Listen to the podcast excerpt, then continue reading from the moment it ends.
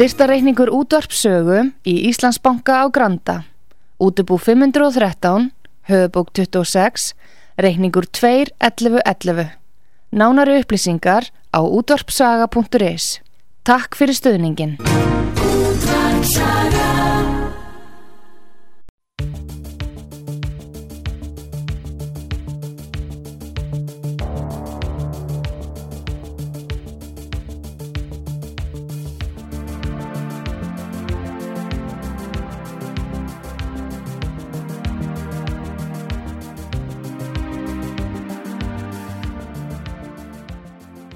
Já, komið sæl ágætu hlustendur, ég heit Arnar Þór Jónsson.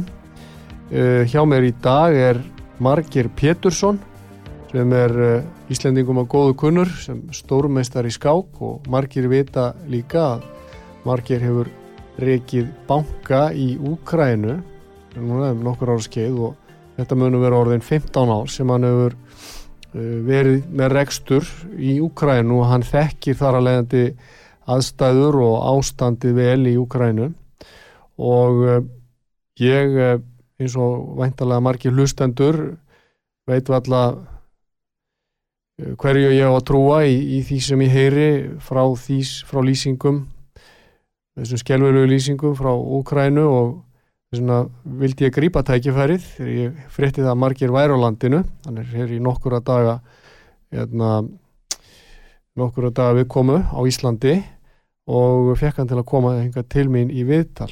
Og verður velkomið margir, takk fyrir að koma. Já, takk, takk som leiðis hérna, ég veit að uh, þú hefur auðvitað uh, marga hildina háð má segja í lífinu.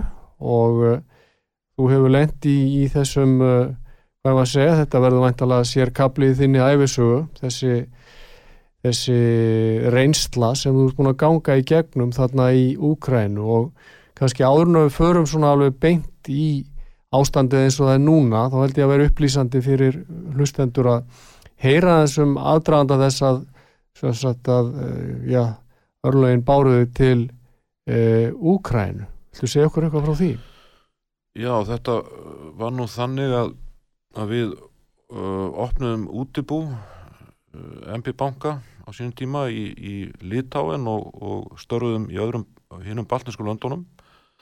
Og ég tel mér nú vera svona nokkus konar sérfræðing í vanþróðum bankakerfum meðan annars vegna reynslu minnar á, á íslensku bankakerfi á nýjunda áratugnum í 100% verðbólgum nú síðan gekk nú allt mjög vel hætti í baltinsku löndunum en þau gengu í Európusambandið árið 2004 Uh, og þá varð samkeppni millir fjárfesta miklu harðari og við vorum búin að sapna þarna tölurðan hlut í ágætum banka en síðan hækkaði bankin gríðalegi verði og við sáum bara að það væri betra að selja heldur en kaupa meira og, og líta, líta í kringum okkur eftir nýjum, nýjum mörgum og ég, við skoðum nú Rúsland en leist nú ekki á það og, og fórum til Úkrænu og það var, það var mjög áhugavert land, það var svona ákveðin meðbyr með landinu á þeim tíma, þetta var 2004-05 og fjárvæstum fann mest í skuldabrjöfum, bæði ríkisins og fyrirtækja. Og en svo barst okkur upp í hendurnar tækifæru um að kaupa lítinn banka þannig í vestur hlutanum og, og endum á því að gera það. Og síðan hef ég nú haft umsjón með rekstri þessa, þessa, þessa banka alveg frá því þetta er núna orðin 16 ár, já núna 16 ár. Og hvernig myndur þú lýsa svona ást, þú, þú segir að veri meðbyr með Ukræna á þessum tíma og, og þá mikill uppgangur í landinu. Og innstreymi á, á fjármagni og, og fjár, erlend fjárfesting mikil eða hvað? Já, það, hún var tölvört mikil á þeim tíma en þú voru aðtöða það sko að Úkræna var að koma út úr sko algjöru hruni. Og þeir þurfti að skipta um gjaldmiðil hérna á, á tíunda áratug síðust aldar og eiginlega hálf, hálfpartin byrju upp á nýtt. Já. og uh, endur skipulegja efnaðslífið og, og það var þarna í fullum gangi og hafði bara gengið mjög vel, laun voru að hækka þóðaframleysla var að hækka og, og erlendir fjárfestar að koma inn og þetta var eftir appilsínu gulu bildinguna svo kallu um áramótin 2004-05 Þannig að það er þá á þessum tíma myndur þú lýsa því þannig að það veri svona vísir að efnaðslegum stöðuleika en hvernig, hvaða mat lagður á sko hinn pólitíska stöðuleika? Já, ég, já, já, það, það voru alla fórsendur fyrir efnaðslegum stöðuleika en pólitísku stöðuleiki var, um, var, ekki, ekki nægilega góður og eins uh, þá haf, hafði til mis mig ekki órað fyrir spillingunni sem uh, var í landinu. Já. og uh, og, og van, vann maður það þetta voru, þetta voru mun erfiðari aðstæður heldur en á Vesturlöndum og jafnvel í og erfiðari heldur en í, heldur en í löndunum við Eistrasalt Já, þannig þú sem svona utan að komandi maður, þú þurftir að læra á þessa núta og hérna, þetta gekk nú þó þannig að þú náður að byggja upp þennan bankarækstur eða hvað? Já, já, já, já við þarna uh, opnum tölvert mikið útibúum þannig árunum 2006 og, og 7 og uh, en sem betur fer þá tók ég nú þá ákvörðun að fara ekki yfir ánat nýpur þannig að öll, okkar útibú eru vestast í landinu og, en svo erum við með eitt útibú í, í kænugarði, höfuborginni Já, já. Og síðan, hefur nú síðan hefur nú fleira gengið á sko, það kemur vissulega þannig að þetta er svo kallega bankarhun sem að var Íslendinga gleyma stundum að var alþjóðlegt fyrirbæri þú gengið gegnum það Já, já, já það, það kom hérna mjög illa niður á Úgrænu að, að gjaldmiðlinn fjell uh, verulegi verði og Erlend fjárfesting hún stoppaði. Og, uh, og, og það þurfti að, að uh, taka þarna mörg lán og, og framlengja í þeim og, og fella niður að hluta. Þannig að það var mjög erfiðu tími og aðlárið 2009 Já og, og var, kom þá eitthvað rót á svona póli, þú veist þá kom rót á þennan þetta pólitíska ástand líka Já, í því ferli. Sko það var, það var alltaf fórsetin sem var kjörinn eftir appi sínu gulu byltinguna 2004-05 Jusenko mm. hann var mjög framfara sinnaður og, og hafði verið seðlabankastjóri og staðið sér mjög vel. Og um, hann var umbóta sinnaður og erlendur fjárfestar og þar að meðal ég með fögnuði því mjög þegar hann náði kjöri. En hann hins vegar náði ekki að uh, eins miklum tökum á stjórnkerfinu og, og, og hann hefði þurrt og þarna var hans nánasti samstagsmaður var Júlia Timoshenko og þau, þau voru endur bara einlega sem hundur og köttur. Og Já. það var meðan að svegna þess að, að hún hindraði Júshenko í að taka á, á mörgum hlýðum spillingarinnar sem að var þá inngróin í stjórnkerfið eða? Já, já, það var alltaf með gas hérna, viðskiptin við rúsa já. og það, það var nú alveg hordsteitt spillingar í Ukræn á, á þeim tíma Já, hvernig þá? Já, þá sem sagt eru, eru Ukrænumenn að fá gas með afslætti frá Rúslandi selja svo áfram á heimsmarkasverði til Evrópu og svo er þessum ágóða skipt. Já. og þetta, og þetta verið, innanlands í Úkrænu þá? Nei, skipt á milli rúsa og úkrænumanna þeir Já. sem eru sagt, nánir stjórnvöldum. Já. þeir sem eru í klíkunni og svo lag, lágu mikið af þessum gífulu fjármönnum það lag til stjórnmálaflokka þess að þeir getu auglýst. Og þess áttur og þetta og þetta, þetta er allt mjög vel kortlagt. Og eins og Financial Times og, og fleiri aðilar er, hafa fjallað mjög ítæla um þetta vinnu minn í Ukrænu, hann har skrifað heila bók um þetta Já. sem meðan komið út á norsku Þannig að hérna, það, sko ég bara þegar þú lýsir þessu svona og þú leiðriti mig ef að ég væri að íkja eitthvað stöðuna sem hún horfið við mér eftir þessa stuttu lýsingu að þá sínist mér að þetta getur verið uppskrift af því þá að sagt, bæði mútuþegni þá þessi ákveðin svona kultúr hugsanlega fyrir mútuþegni embætismanna og þá líka að stjórnkerfið embættismenninni séu hallir undir rússa eða hvað? Nei, ekkert endilega undir rúsa ég, Nei, ekkert, ekkert, ekkit endilega freka nei, þá nei, en þeir aðra. voru bara hallir undir næsta yfirmannsinn sem Já. deildi kannski einhverju af ágóðanum með þeim. Ok, þannig að það væri þá, væri þá en, að, en að orða þetta þá þannig að þeir hafa ekki litið svo á þeir var endilega að vinna fyrir júkraínskan almenning. Nei, alls ekki, alls ekki. Já, heldur meira kannski fyrir sig. Já, já, þetta er arfur frá sovjettímanum Já.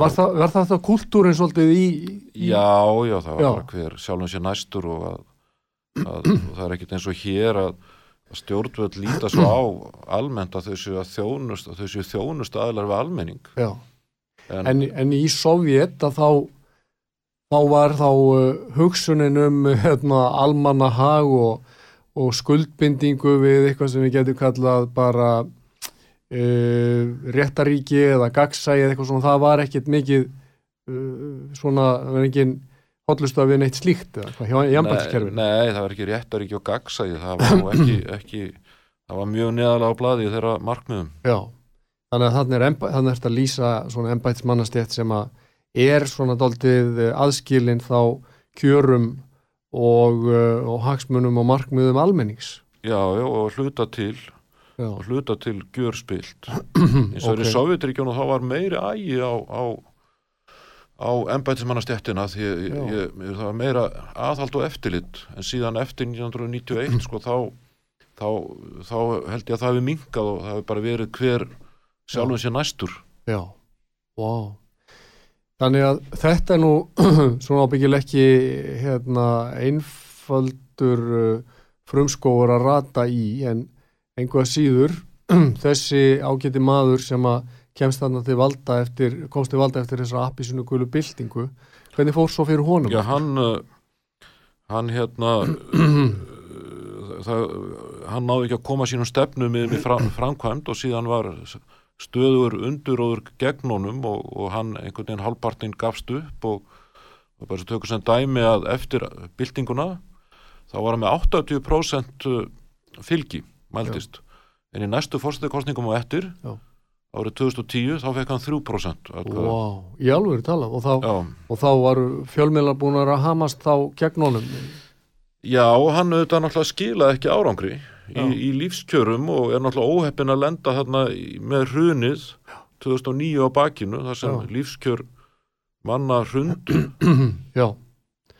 Nú, þetta er þá kostningar, þú ert að tala um kostningarnar þá, hvað séu, 2010 2010 Já, og þá, og þá komast í úrslit sem sagt uh, Júlia Timoshenko Já, sem hafi verið þarna bandamaður að nafninu til.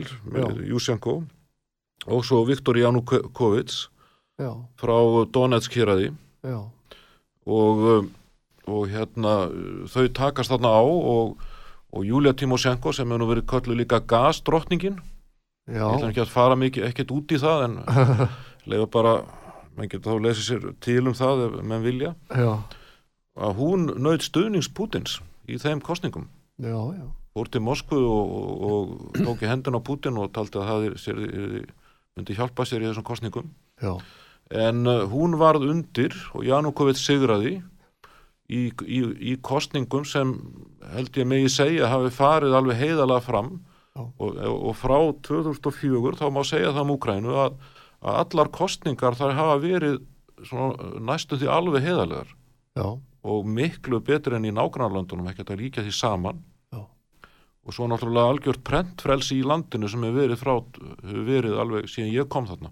Já, sem er allt annað en í Rúslandi eða Hvítarúslandi, það er ekki að Já. tala um það. En, en Janukveð sigrar. Já, síðan uh, svona er hann á báðum áttum hvort hann er að halla sér að Evrópu og, eða Rúslandi og það var alveg ljóst að almenningur í Úkrænu vill halla sér að Vesturlöndum.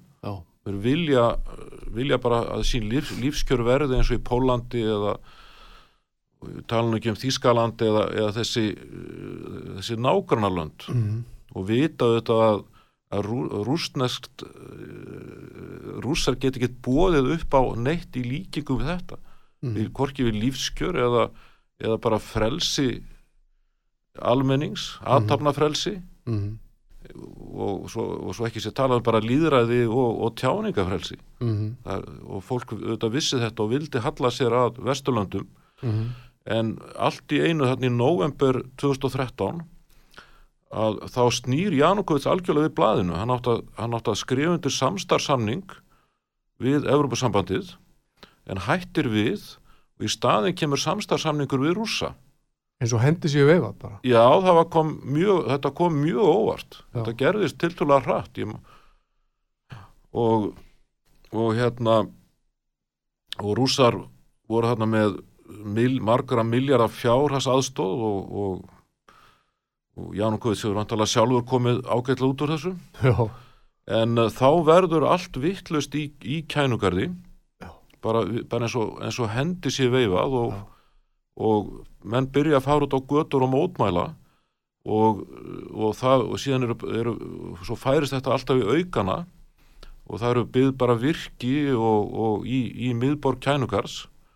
Og lögreglan í, í kænugarði hún neitaði að reyfa neitt um mótmælendum, vildi ekkert bara taka þátt í þessu þannig að að það þurfti að fá herin utan, utan að landi til þess að takast á við mótmælendur og síðan hérna uh, fór þetta allt úr böndunum um miðjan februar 2014 þegar var að byrja að- skjóta á mótmælendur úr, af leyniskiptum Já. og þá var, þá var því raun og veru allt endanlega vittlust og, og hers, hersöðingjar þeir sumir og, og einnig áhrifamenn í viðskiptalífi að þeir snýru baki við Janukowits og hann rökklaði svo landi viku setna og var að reyna að fá einhvern stuðning í Harkiv þannig í Östur-Úkrænu og Donetsk en, en tókst það ekki, menn vildi ekki sjá hann. Þannig að það endaði með því að hann rökklaðist til, til Rúslands já leitaði bara hælis þar. Já, já, hann leitaði hælis þar og ymsir af hans svona helstu, helstu samstagsmönnum já, og þeir sitja þarna í, í Rostov rétt handan við landamærin. Ok, okay. flestir þeirra. Já, já. Og svo, hvað var það svo næsta? Var það Krímskæin? Var, var Já, það... síðan upp úr þessu að þá sjá rússar sér leika á borði, það var um tíma þarna ekki eiginlega starfhæf rík, ríkistjórn í kænugarði og, og þeir her, hernema Krímskagan sem, uh, sem uh, uh, sem úkrænumenn komi engum vörnum við og rátu að það að rússar voru með flotastöð í Sevastopol á Krímskaga. Já, þannig að þeir þurftu nú bara svona að fara yfir girðinguna til þess að já, gera þetta.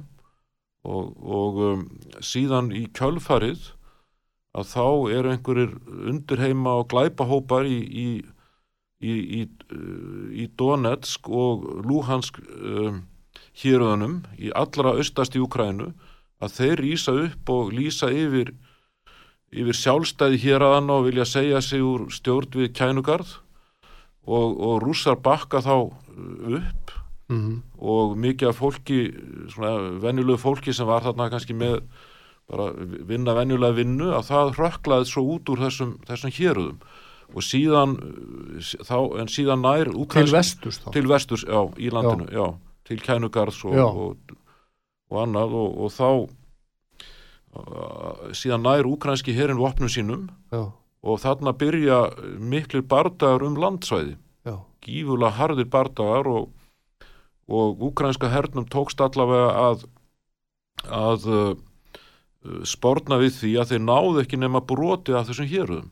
Já. þeir eru með cirka eitt þriðja af hvoru þessara héraða. Já, og þarna meðal hans barist mjög hatramlega um borgina Mariupol sem nú er í fréttum. Mm og þar tókst uh, mjög harð, harð, harðsnúnum uh, sjálfbóðaliðum að, að hrinda því að, að þetta að þessi flugumenn rúsa næðu borginni. Mm og síðan náðust nú friðarsamningar. Það var gert í svo kallega Minsk samkomulag sem var gífulega óhagstætt fyrir, fyrir stjórnina í kænugarði. Og, og Bardum var að mestu hætt. Og þetta var fyrir tilstilli eh, Merkel og Holland sem var þá fórsetið Fraklands og það náðist að lemja þetta, þetta saman og, og hætta að myrða óbreytta borgara. Svo hefur þetta verið í járnum núna í, í átta ár þanga til að uh, rússar fór að byggja upp gífulegan, uh, gífulegar hersveitir við, við landamæri Úkræn og það trúði nú engin að að þeir letu til skara að skrýða og ég, ég trúði ekki fyrir en ég bara vaknaði um morgunin þegar að þeir hefðu ráðist á, á kænugarð og skoti eldlugum víðan landið. Já, og, og, en bandaríkjamenn og breytar að þeirra þeirra leinu þjónustur að þær voru greinlega með, með afskaplega nákvæmar upplýsingar um það sem var að fara að gerast. Já. En samt virtist þetta koma mönnum á óvart sko. Það búið að þeir voru búin að vera að tala við Putin og greinlega fylgjast með herflutningum og en enginn trúði að þetta myndi Jú, gerast. Bandaríkjamenn og breyta trúði alveg. Þeir voru- trúðu? Já, já, þeir voru búin að segja sínum landsmennum að yfirgefa landið. Já, og færa sendir á sín til Lvíf í vestrinu. Já. En eins og til dæmis Macron var alveg steinhissa virtist þeirra Já, já, eðlilega. Nú hann, hann menn náttúrulega búast ekki við því að sko, hitt eitthvað þjóðarleita og hann Já. bara lígur blíðuna laust sko, já, framan í andlitið á þeim. Ótrúlega já, en bara sem að bæti því við fyrst við erum nú að fara yfir samtíma sögu Úkrænu að, að þá síðan 2014-15 þá var það gífulegt efnarslegt áfall. Út af krímskagan já já, það var nú aðalega út af því að gjaldmiðlinn hrundi. Já, og bara þá var sem sagt 8 hrifnur sem er gjaldmiðlinn í dollar en hann fór yfir 30 já, þannig að þetta var sko gífulegt hrun wow. og, og, og, og, og lífskjörn alltaf snar lækkuð, það var þarna mikil verðbólga og wow. launin fóru alveg sko niður í kannski 100-150 dali eða 20 krónur á, á mánuði Svaka. Læg, lægstu laun, það var alveg skelvilega lágt og hvað, og þetta með þeim áleðingum að stór hluti úkrænumanna leitaði atvinnu annars já, staðar og, já, það, það var eftir það, það var einu og hálf miljón uh, farið að starfa annar staðar og bættust við þetta mjög, mjög fjölmennan sem sagt hóp úkrænumanna sem, sem starfa í Evrópu og, og víðar og, og, og þeim, þeir þykja nú mjög góður vinnukraftur og þeir eru svona svipaðir bara pólverjar og, og, og, og pólverjar buðuð á velkomna og úkrænumenn eru mjög vinsæl, vinsæl vinnukraftur þar já, og halda uppi til mér sem svo byggingastarfsemi í Pólandi. Alveg sem að segja að pólverjar halda uppi já, okkar, akkurat. okkar byggingastarfsemi. er keðjuverkun. Já, já, Já. Má, það, má, það má segja það en, en síðan he, hefur þróunin verið uh, bara mjög í rétta átt og, og efnaðslífið batnað. Og það var nú ágættur fósetti sem var þarna uh, Poroshenko. Hann svona og, og eins komu inn alþjóða gjaldir í sjóðurinn og efnaðs þróunabanki Evrópu. Já, veittu þarna inn miklum fjármunum til þess að styðja við við uh, efnaðslífið og, og settu hörðskýlirðum að þeir teki á spillingu. Já. og til mis gasspillingin hún hvarf. Og það var mjög mikilvægt hérna, mikilvægt skref í að, að, að reynsa landið af, upp af þessari óværu. Já, og, og spilling hefur í landinu hefur, hefur bara, ég tek bara síða sjálfur sko að hún, þetta er, þetta er og að fréttum og öðru að, að þetta er orðið allt annað en það var og, og meðal hans út af þessum ströngu skilirðum frá alþjóða gjaldurisjónum og, og EBRD já. En uh, sem sagt uh, undir aldan hefur verið væntalega þung og bæði hérna í stjórnmálunum og, og svo í atvinnulífinu að hvað er það sem að, að þínu mati ítir Pútin yfir þennan þröskuld að taka þetta, á, þetta örlagaríka og alvarlega skref Ég skal ekki einlega um það segja en til dæmis ein tilgáta mín er svo að hann hafi séð að Úkræna væri að, að taka fram úr Úslandi í lífskjörum almennings mm. og almenningur í Úkrænu get, þeir geta, geta farið án nokkurar vegabriðs áriðunar til Evrópasambansins já, og eru þar mjög velkomnir og meðan það er mjög takmarkað er mjög erfitt fyrir rússa að fara þangað. Mm. og það var bara eitt dæmi og, og það var, hefur verið uppgangur í landinu. Eins og ég segi, þegar Úkræna færi verið friði þá gengur allt vel. Já, og, og, um, og ég held að, að þeir hafi hugsanlega þessir þessir menn í Kremla þeir hafi bara talið að þeir yrðu að fara í þetta núna þeir ætla, þeir, og þeir heldur greinilega að þeir hefði einhvern hljómgrunn meðal íbúa Úkrænu Já. um að, um að taka mót að þeir, þeim er bara tekið fagnandi sem einhverjum frelsis bóðum sem er svona gjörsamlega fráleitt Já, það er á mislesið aðstofað. Nú er það þannig ekki satt að stór hluti og ég vil meiri hluti úkrænum hann að tala rúsnesku að, að móðumáli. Já, já, En uh, Pútin og félagar hafa þá mögulega alva, sko, gerð sér seka um alvanlegan domgrændabreist ef þeir hafa talið að þetta fólk myndi mitt koma út og leggja pálmablöð á og rosablöð á gödurnar og fagnaði með eins og hetjum. Því að það er barist gegn þeim, er það ekki jú, jú og, jú, það, það eiginlega þeir, þær hersveitir sem eru hvað harðastar, þetta, þetta eru skipaðar rúsnesku mælandi mönnum. Já. Þannig að uh, þjóðar vitu, nú er, nú er talað um þetta sem einhvers konar bræðra og systra þjóðir sko uh, en það er sterk svona þjóðvitund í Úkrænu þrátt fyrir allt sem á undan er gengið í gegnum aldirnar og áratugina Já, já, hún hefur náttúrulega styrst uh, mjög mikið og, og Putin hefur nú gert meira í því að, að, að styrkja þjóðarvitund allra úkrænumanna heldur en nokkur annar. já, Hann þjappaði þjóðina algjörlega saman árið 2014-15 og, og, og ég tala hann ekki um núna. Það var ótrúleg, ótrúlegu samtakamáttur. já Þannig að eh, fólk af öllum stjettum og, og hérna og hvaða tungumál sem þau tala að uh, þá þjappaði þessi saman núna gegn auðvitað þessum óvinni sem að kemur það úr austrinu. En hvernig eigum við að gera við gerum kannski stutt hlið núna og komum svo aftur og tölum um ástandið eins og það horfi við þér núna. Uh, gerum hér örstull hlið, takk fyrir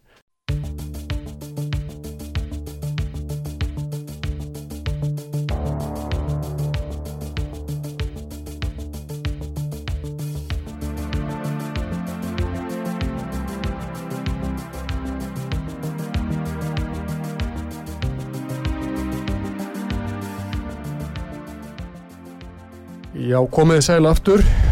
Ég heit Arnar Þór Jónsson, sitt hér með stórmeistaranum Margeri Pétursinni sem að hefur á síðustu árum, 14 árum, stundað bankarekstur í Úkrænu og hefur verið búsettur í borginni Lvíf. Ég vona að ég beri, beri þetta sæmilega rétt fram.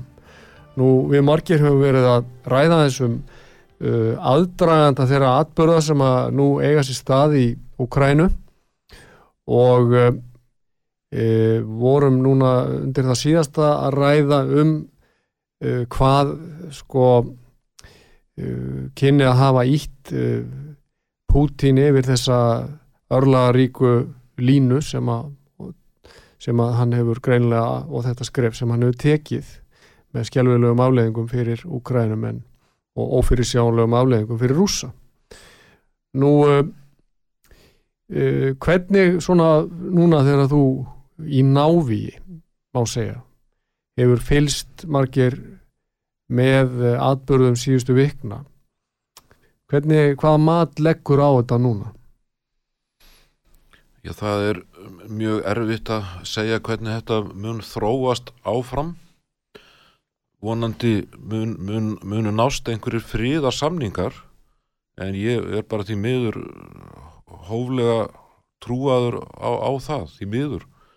Nú rússar geta haldið áfram að, að reyna að vinna landsvæðið að borgir en þeim hefur nú ekki miðað vel áleiðis hinga til og og menn bara gapa yfir framistöðu rúsneska hersins. Þeir heldu greinlega þeir myndu taka kænugarð á þremur eða fjórun dögum og skiptum stjórn og, og ráða þarna öllu og sumstarir þeim er að fagnað. Og þetta eru þetta algjör þvæla.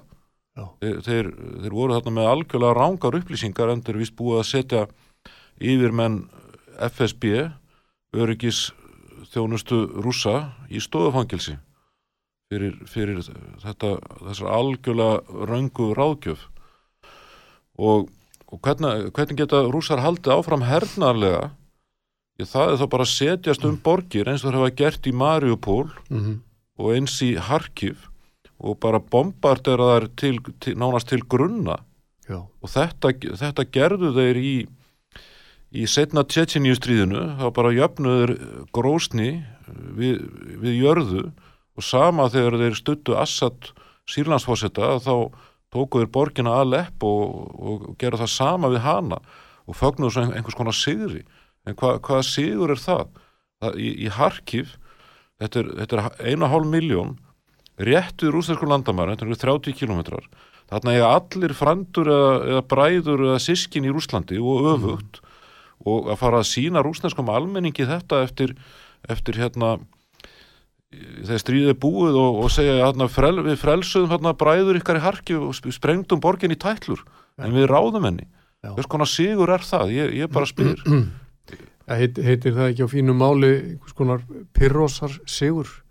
Jú, það var að kalla það í, hjá Fordgríkjum Já, en sko nú áttar maður sig á því og maður sé nú engin hernaða sérfræðingur hafandi þó hérna rínt í ímsar bókmentur um styrjaldir fyrir og síðar að það er vantalega eitt af því sem að rússar vilja forðast eins og heitan eldin er að þurfa að fara í götu bardaga inn í borgonum ég gerur á fyrir því.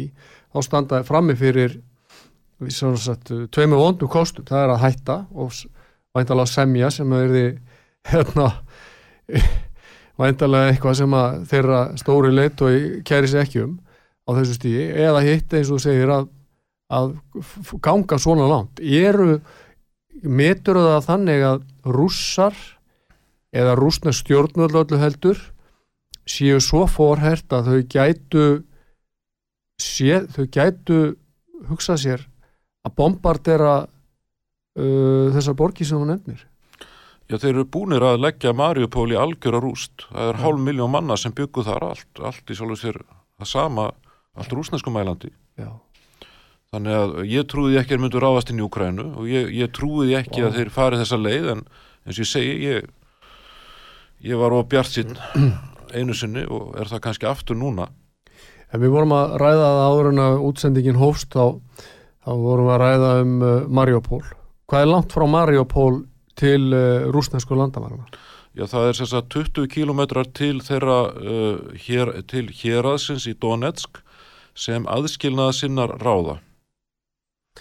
Já, segja, já rús, rúsneskir, svona, þeir sem já, eru hlýðhóllir. Já, lepparúsa. Já, já lepparúsa. Þannig að e, það er búið umkringja Mariupól, ekki satt? Jú, það, staðan, eh, staðan er mjög erfið þar og þar, þar har náttúrulega verið unnin alveg skelvileg glæpaverk já. og það er einlega ekki að tala um stríð þannig að þetta er bara, þetta er bara morð. Þetta er um morð. Já. Og sko uh, fólkið sem að þarna býr og bjó hvað heldur að margir íbúar í Mariupól? Já það voru fyrir stríð þá verið hátt í hálf miljón og uh, flóttaleiðin uh, liggur hún þá bara til östurs? Já sko rúsar hafa verið að beina flóttamönnum frá Mariupól yfir til sín og síðan ætlaði að segja Rúsla, á rúsneskum sjónvarstöðum að þetta eru þetta eru flótamenn að, að, að forða sér frá frá, frá úkra, úkrænsku nazistónum eða, eða einhver, einhverja svoleiðs þvælu. En, flest, en fleiri íbúar er að reyna að komast til norðvesturs til borgarnar Saporisa Já. Þannig að það er umsátus ástand um Mariupól uh, og uh, það er umsátus ástand myndur þú lýsa í þannig að það veri umsátus ástand um um uh, kænugarð? Um kænugarð? Nei, það, það hefur ekki náðust að umkringja borgina að, að fullu, hún er í, í sem sagt, su, til og með síðan suðvestur að þá það er hægt að komast inn og út úr kænugarði og, og kunningja mínir þeir keru þarna út alveg til, án, án, án, án þess að lendi inn einum remmingum bara núna í síðustu viku og ukrainska stjórnin situr og og ukrainski herin hefur fram til þessa dags þá náða að veita kannski meira viðnám heldur en menn hefðu ætlað í á fyrstu dögum þessar innrásar eða hvað? Já, miklu meira viðnám og það er önnur mistök sem rússar gera þeir vann með þetta algjörlega styrk ukrainska hersin sem, sem hefur svona verið un, að undirbúa sig undir þetta alveg frá 2014-15 og, og notið þjálfunar bæði frá bretum og, og bandaríkjamönnum, einnig sér maður hérna oft uh, kanadamenn í, í, í fullum, fullum enginnisbúningi, já, þeir að fara þarna á milli borga. Og, og þeir hafa verið, verið að kenna þeim hérna á, á nútíma vopn og, við skulum aðtuga það að þetta þetta stríð eh, það er mjög mikið rannsakað af sérfræðingum sérstaklega í Bretland og Bandaríkjónum og, og sunda þeirra og til dæmis það eru margir fyrirvændi hersöðingjar í báðum löndum er að tjá sig um þetta stríð og það er mjög fróðlegt að, að, að fylgjast með þeirra áliti. En, en uh, þetta stríð er allt öðru vísi heldur en til dæmis setni heimstyrjöldin sem var að miklu leiti skri, þar sem skriðdrega bardagar voru, uh, hérna, og það var, var líkil atriði mm, eins og, og en núna þá, uh, þá er eins og rússar hafi treyst á sína, sína skriðdrega herdildir og ekki átta sig á því að, að það er komið náttúrulega ný varnarvopn og gagn árásarvopn og úkrænumenn hafa fengið mjög mikið af þeim frá, frá hérna bandaríkjamönnum og, og bretum og öðrum og nágrunum sínum og, og, og þeir og, og þeir eru búin að granda í, í 500 skriðdrökum sem, sem er náttúrulega gífulegt tjón fyrir rússa síðan hafa rússar orðið fyrir gífulegu manntjóni. Já, við veitum ekki nákvæmlega bandarækjumenn áætlaða minnstakosti 7000 en úkrænumenn segja 14.000 já, og þetta er mjög mikið á, á ekki nema þremur vikum. Þetta er meira, meira manntjón en, en bandarækjumenn urðu fyrir sko í 20 ár í Afganistan og Írak.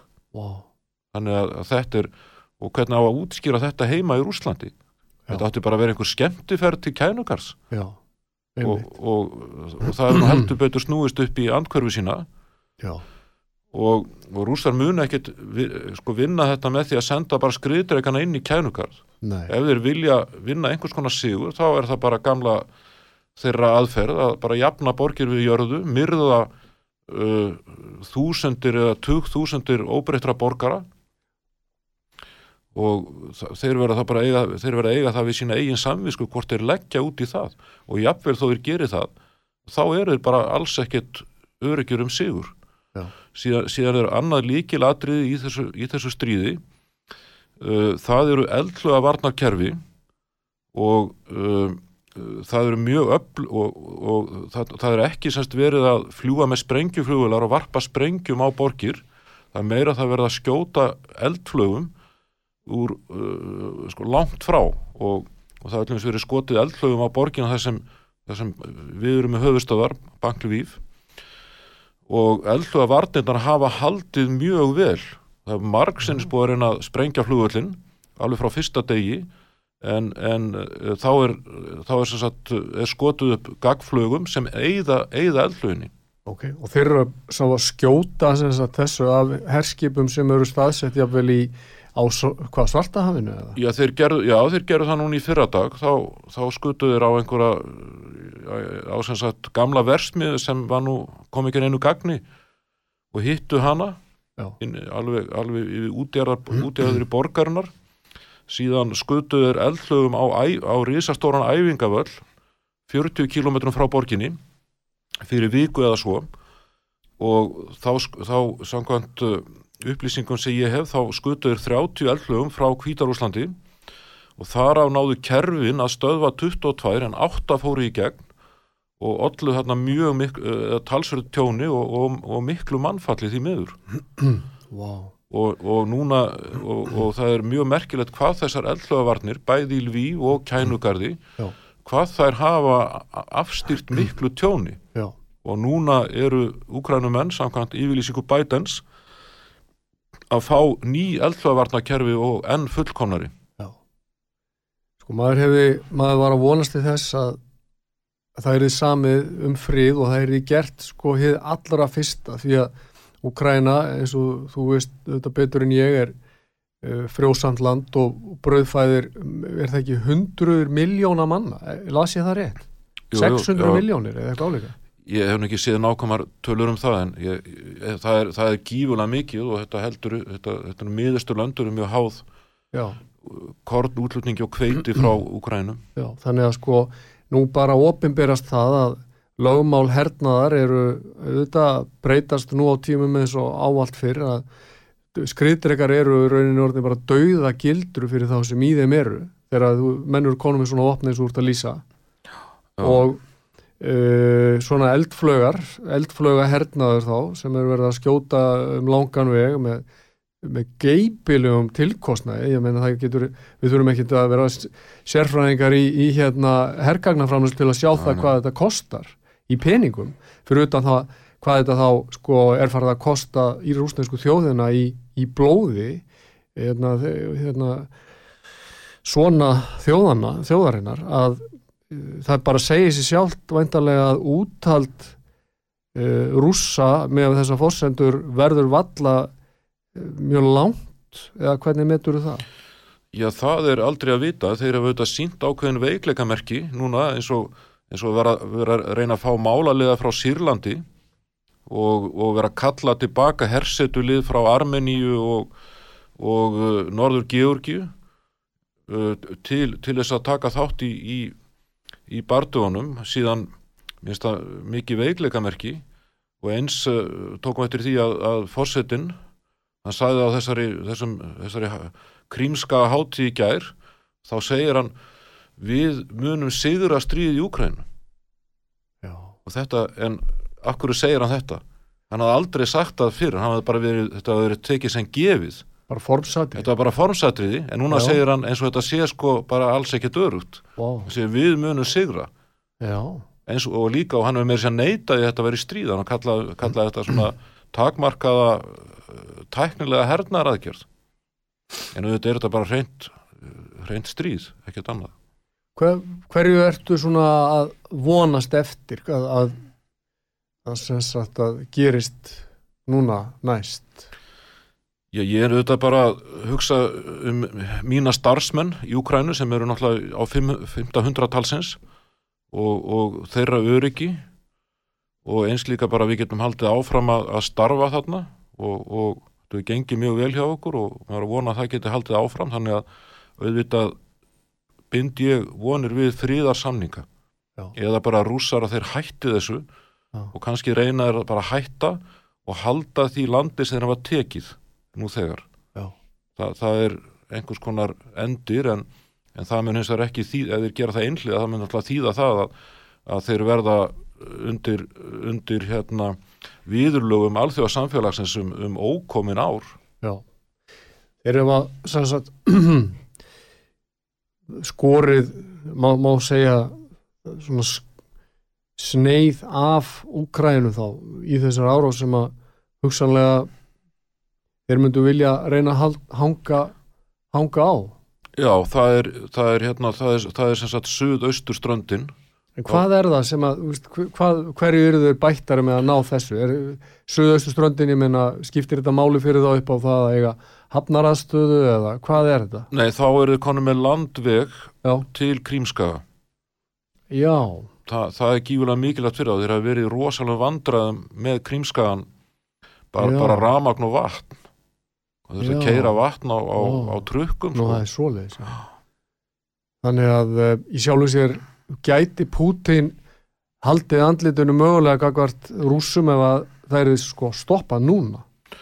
Já, það, það er hugsanlegt Það er hugsanlegt. það er hugsanlegt að þessna er, er þetta ofsalega þessi ofsalega áhersla á árásir á Mariupol sem er, sem er raun og verið síðasta borgin á þessum landvegi Já, en, en þeir eru náttúrulega ekki náð neinum markmiðin sem þeir ætla að gera. Já, og Odessa, þeir, þeir eru ekki það er, það er náttúrulega úkrænum er ráða ennþá henni gífulega mikilvæga hafnaborg Odessa. Og rússar ætluðu greinilega að ná henni. Já, en það hefur langt frá því tekist. Þeir eru ekki eins og nálátt henni. Já, já. Þannig að hérna, ég meina, þetta er, eh, þetta eru vopnin sem að úkrænumenn hafa verið að fá send. Þetta er væntalega þá uh, svona herstyrkur sem að úkrænumenn búa yfir og væntalega þá þjálfaðir og reyndir hermenn sem hafa þá þjálfast, er það ekki þá frá árinu 2014 eða hvað? Jú, jú, jú, kannski áður en, en hér er náttúrulega allur annar en það var 2014 Nú fer, miklum, miklum sögum af því og sögum af fjölmiðlum að, þessir, uh, þessi innan úkrænska hersins séu hérna, háskalegir menn og og, uh, og undarlegar sko hugmyndafræðilegar skoðanir í gangi hvað heldur þú með þetta? Hefur þetta verið rætt mikið? Já, uh, já sem að klára aðeins að ukrainska herin að þá, þá náttúrulega er gífulegur baráttu andi í hernum og í Lvíf að þá eru hundruður að skrási í herin á hverjum degi sem sjálfbáðliðar og þá eru bara allir svona þeim, þeim finnst þeir þurfa að, að gera eitthvað gagn og mennur að setja peninga í og kaupa hergögg frá útlöndum. Sem er vinið mínir þeirra að kaupa hergögg frá, mm.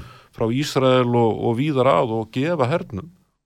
Og þetta er, þetta er svona óbáslu og samtakamáttur. Já. en varandi þessa spurningu þína um að um að sé eitthvað, þú ert einlega svona í að því það sé eitthvað til í að það þurfi að, að, að reynsa Úkræna af nazistum þá er þetta algjörlega fráleitt Já. og þetta er hugsanlega, ég, bara get spekulerað í því að þetta stafi af því að, að Asov herdildin sem er núna að að verja Mariupól og náða verjana 2014 þetta er, þetta er, uh, þetta er SAP sjálfbóðliða sem komu uh, frá þessu svæði allt rúsneskum mælandi Já. sem tóku sér saman og myndu þessa hersveit, þessa hersveit árið 2014 sunda þessari uppgjafa hermenn og þeir eru með einhver merki á búningunum sem, sem hefur reynd að halda fram að síðan nazista merki Já. og ég, ég hef aldrei orðið og þeir séu einhverjir sko öfga hægri menn hvað sem, hvað sem það þýður og ég, ég veit ekki til þess að sé neitt, neitt til í þessu þeir eru ekkert að þeir eru ekkert að ofsækja eins og uh, Múhameins trúamenn eða, eða þeldökka sem er náttúrulega mjög mikið af í Úkrænu Já. ég hef bara alls ekki heyrt það það er Já. eina sem þeir hafa þetta er náttúrulega svona daldi svona uh, hvað var maður að segja típur svona, þetta er svona eins og maður sé kannski mótur hjóla gengjum sko en, og, og, þeir, og þessir menn þeir tóku sér saman árið 2014 og stopnuð þessa harðsnúna herdeild. Og hún var svo tekin inn í, í ukrainska herin árið 2015 og er bara deild þar. Mm. og hún lítur stjórn innaríkist ráðundins í kænugarði. Já. þetta er svona það með fyrir að hugsa þetta hva, hvaða þvæla þetta er að þá er þetta svona það næsta sem maður uh, sér Þetta er svona áróðsbrað Já, þetta er reynd, reynd, reynd áróðsbrað og átilla. Já, akkurat. En uh, eigum við ekki bara þá svona rétt í lokin að getum við ekki endað eitthvað á einhverju jákvæðum nótum? Ha. Jú, jú, Selenski, hann, uh, hann hefur staðið sér ótrúlega vel, hann er búin að vera fósetti síðan 2019 og tók við að Poroshenko og hann sumir töldan vera mikinn svona létta létta dreng og léttvægan og í klóm óligarka en hann hefur afsannað það og, og, og ja, þjappað saman úkrænsku þjóðinni með þess að þeir sem voru harður á mótonum þeir eru, þeir eru bara gefa hann um háa engun núna og hann er eld bara áttu vilja úkrænumanna og, og alveg heiður skilið fyrir það mm, okay. og hann mun vantarlega vantarlega halda því áfram og og er ekki á förum frá kænugarði og, og þú ert ekki á förum frá Lviv eða hvað? Nei, nei, við, ég ætla bara að vera þar og stappa stáli í starfsfólkið og, og uh, leggja, leggja mitt að mörgum við að, við að halda bankan, bankastarfseminni með eðlugum hætti Þú teflir sko stífa vörd þannig eins og í skákinu eða hvað? Já, já, já, já, já. já er ég er nú vanur að vera í vörd í skák og já. það er ekkit nýtt Nei Ef við margir, ég bara óskaði þér eh, allsins besta á ferðuðinu til og frá Úkrænu og í þínum rekstri þar og þakka reynilega fyrir að koma og deila þessu með uh, hlustendum. Já, þakka sem að leiðis.